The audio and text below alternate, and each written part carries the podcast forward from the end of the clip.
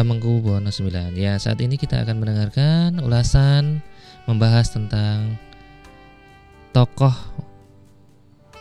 besar di Yogyakarta maupun nasional maupun internasional yang juga merupakan raja, mantan wakil presiden, juga mantan menteri pada waktu kemerdekaan saat dulu. Yap, ialah tokoh yang kita akan bahas saat ini adalah Sri Sultan Hamengkubuwono ke-9. Siapakah Sri Sultan Hamengkubuwono IX ini? Gusti Raden Mas Joro Jatun, demikianlah nama yang disandang oh, ke beliau ketika kecil. Dilahirkan pada tanggal 12 April 19, 1912. Beliau adalah anak kesembilan dari Sri Sultan Hamengkubuwono ke-8 dari istri kelimanya, Raden Ajeng Kustilah atau Rajeng Kanjeng Ratu Alit. Pada Musa, pada muda, pada masa muda,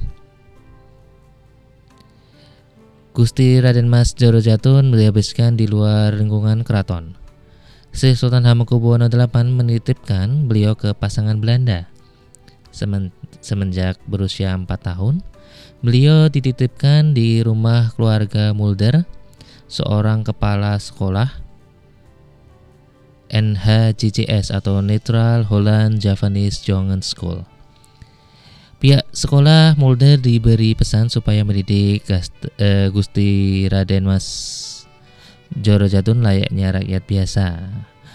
Gusti Raden Mas Joro Jatun diharuskan hidup mandiri tanpa didampingi pengasuh. Nama keseharian beliau pun jauh dari kesan bangsawan keraton. Di keluarga ini beliau dipanggil dengan sebagai Henki atau Heng kecil. Masa-masa sekolah beliau dijalani di Yogyakarta. Beliau dari Frobel School atau Taman Kanak-kanak pada waktu itu Lanjut ke RST Europe Larger School B yang kemudian pindah ke Neutral Europe's Europe's Larger School. Setelah menyelesaikan pendidikan dasar, beliau melanjutkan pendidikan ke Hoger Burger School di Semarang dan Bandung. Jejak pendidikan HBS belum tuntas ditempuh ketika ayahanda memutuskan mengirim beliau bersama beberapa saudaranya ke Belanda. Setelah menyelesaikan gimnasium, beliau melanjutkan pendidikan di Rich University di Leiden atau Universitas Leiden. Di sini beliau mendalami ilmu hukum tata negara sambil aktif mengikuti klub debat yang dipimpin oleh Profesor Schkerke. Pada masa pendidikan di Belanda, ini pula beliau berkenalan dengan dan kemudian menjadi sahabat karib Putri Juliana yang kelak akan menjadi Ratu Belanda. Tahun 1939, peta politik dunia bergerak cepat. Tanda-tanda meletusnya Perang Dunia II semakin jelas. Sri Sultan Hamengkubuwono ke-8 memutuskan memanggil pulang Gusti Raden Mas Joro Jatun. Meskipun yang bersangkutan belum menyelesaikan jenjang pendidikannya, Setibanya Gusti Raden Mas Joro Jatun di tanah air, beliau disambut langsung oleh Sri Sultan Hamengkubuwono ke-8. Saat itu pula Sri Sultan Hamengkubuwono ke-8 menyerahkan kepada Gusti Raden Mas Joro Jatun keris Kiai Joko Piturun. Kiai Joko Piturun sebenarnya adalah atribut bagi putra mahkota, sehingga yang mengenakan bisa dianggap sebagai calon penerus tahta. Selang beberapa hari kemudian, Sri Sultan Hamengkubuwono VIII mangkat. Perjalanan Gusti Raden Mas Doro Jatun menuju Singgasana ternyata tidak mudah. Sebagai bagian dari sejarah Mataram, setiap calon raja baru di Kesultanan Yogyakarta diharuskan untuk menandatangani menandatangani kesepakatan bersama terlebih dahulu dengan Belanda.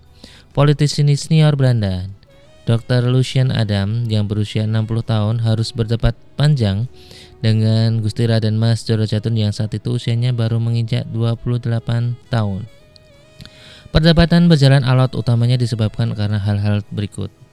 Pertama, Gusti Raden Mas Joro Jatun tidak setuju jabatan patih merangkap sebagai pegawai kolonial. Hal ini agar tidak ada konflik kepentingan. Yang kedua, beliau juga tidak setuju dewan penasihatnya ditentukan oleh Belanda. Dan ketiga, beliau menolak pasukan prajurit keraton mendapat perintah langsung dari Belanda. Dikisahkan setelah empat bulan tidak menghasilkan kesepakatan apa pun, Gusti Raden Mas Dorojatun tiba-tiba berubah sikap. Hal yang begitu mengherankan diplomat senior Belanda tersebut karena Gusti Raden Mas Dorojatun bersedia menerima semua usulan dokter Dr. Rusian Adams.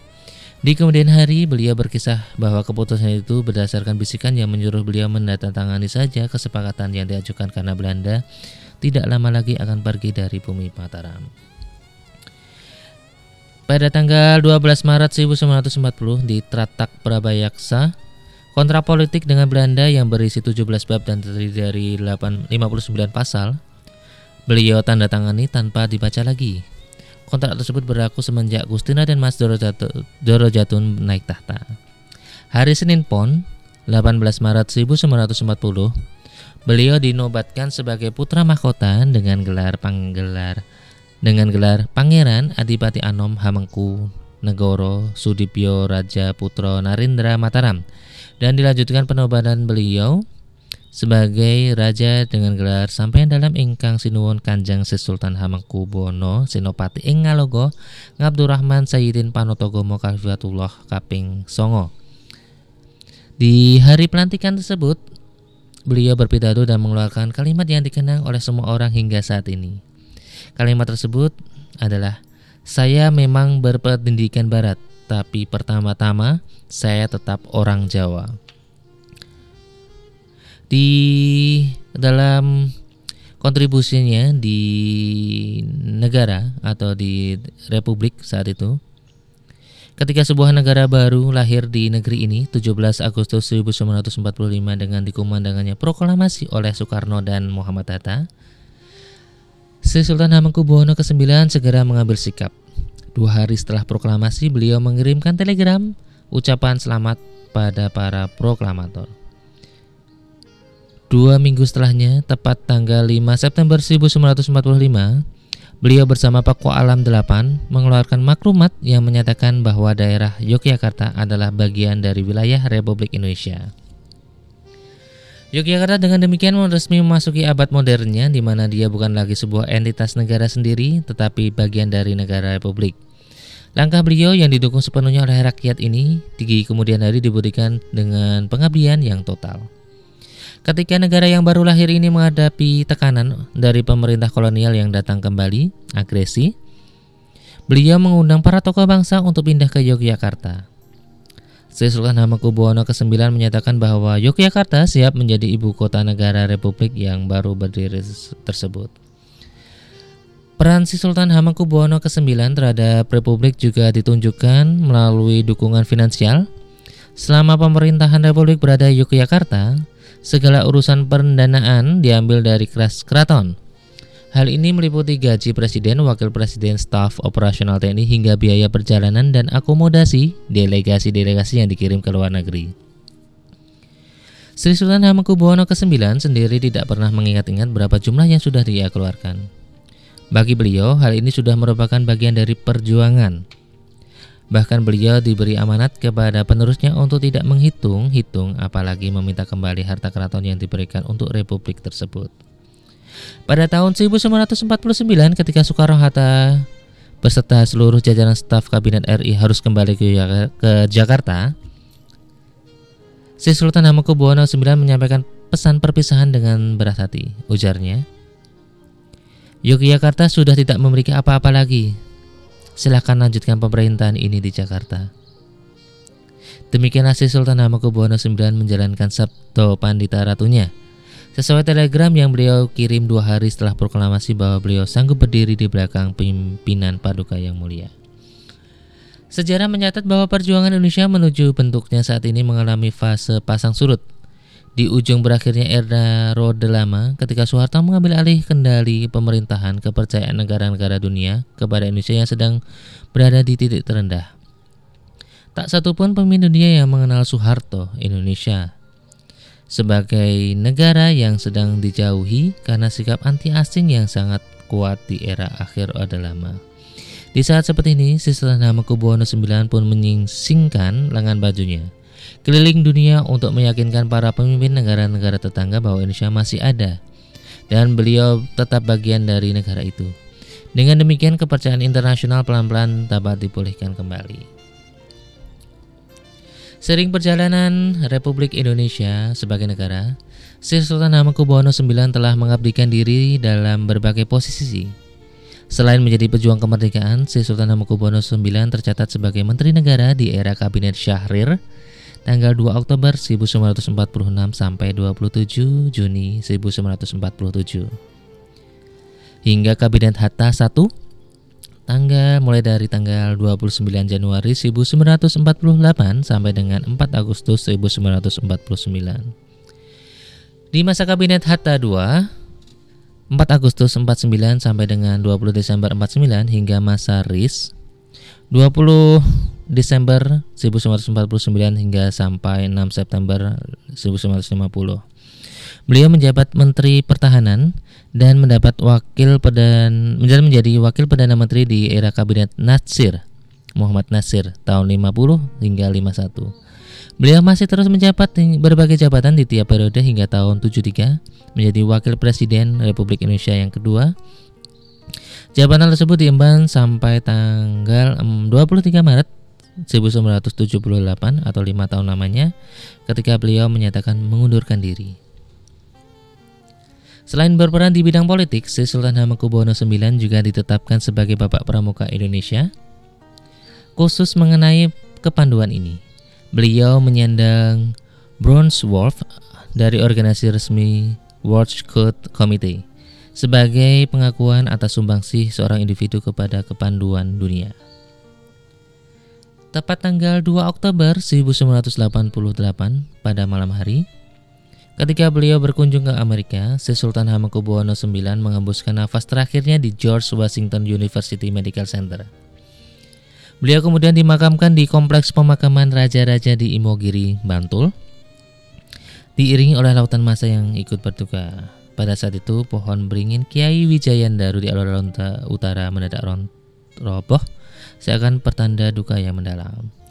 Berdasarkan SK Presiden Republik Indonesia nomor 53 TK tahun 1990 pada tanggal 30 Juli 1990 atas jasa-jasa beliau kepada Negara Kesatuan Republik Indonesia NKRI, Sri Sultan Hamengkubuwono IX dianugerahi gelar Pahlawan Nasional. Peninggalan Sri Sultan Hamengkubuwono IX. Selokan Mataram adalah salah satu karya yang paling fenomenal, monumental Sri Sultan Hamengkubuwono ke-9. Saluran air yang menghubungkan Sungai Proko dengan Sungai Opak yang membelah Yogyakarta dari barat ke timur ini memberi pengairan yang tak pernah berhenti bagi lahan-lahan pertanian di sekitarnya. Proyek selokan Mataram ini berhasil menyelamatkan banyak penduduk Yogyakarta untuk tidak diikut sertakan dalam program kerja paksa Jepang atau Romusha. Sebuah solusi brilian yang tidak hanya bisa menyelamatkan nyawa rakyatnya di kala itu, tetapi juga membuat manfaat yang untuk terus bisa dinikmati hingga kini kita rasakan, terutama di bagi warga Yogyakarta di bagian selatan. Di bidang pendidikan, Sri Sultan Hamengkubuwono ke-9 mendukung penuh berdirinya Universitas Gajah Mada, lembaga perguruan tinggi yang telah mencetak banyak tokoh nasional maupun internasional ini. Awalnya menggunakan pagelaran dan bangun-bangunan yang ada di dalam maupun di sekitar Katon untuk dijadikan lokasi belajar mengajar Universitas Gajah Mada pada awalnya. Sejalan dengan perkembangan universitas, sebidang tanah di Bulak Sumur disediakan oleh Sultan untuk dibangun gedung utama. Balerung UGM namanya, yang dirancang sendiri oleh Presiden Soekarno kala itu.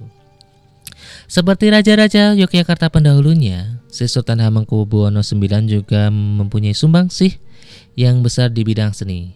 Terinspirasi dari cerita wayang golek, beliau menciptakan tari golek, tari klasik golek menak yang meneguhkan karakter khas gerak tari gaya Yogyakarta. Karya lain yang beliau hasilkan di antaranya adalah tari Bedoyo Sabto dan Bedoyo Sangaskoro atau Manten.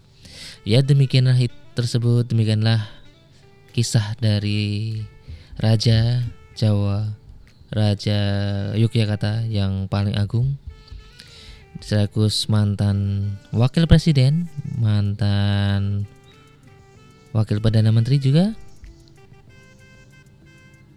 dan pejuang di saat kemerdekaan.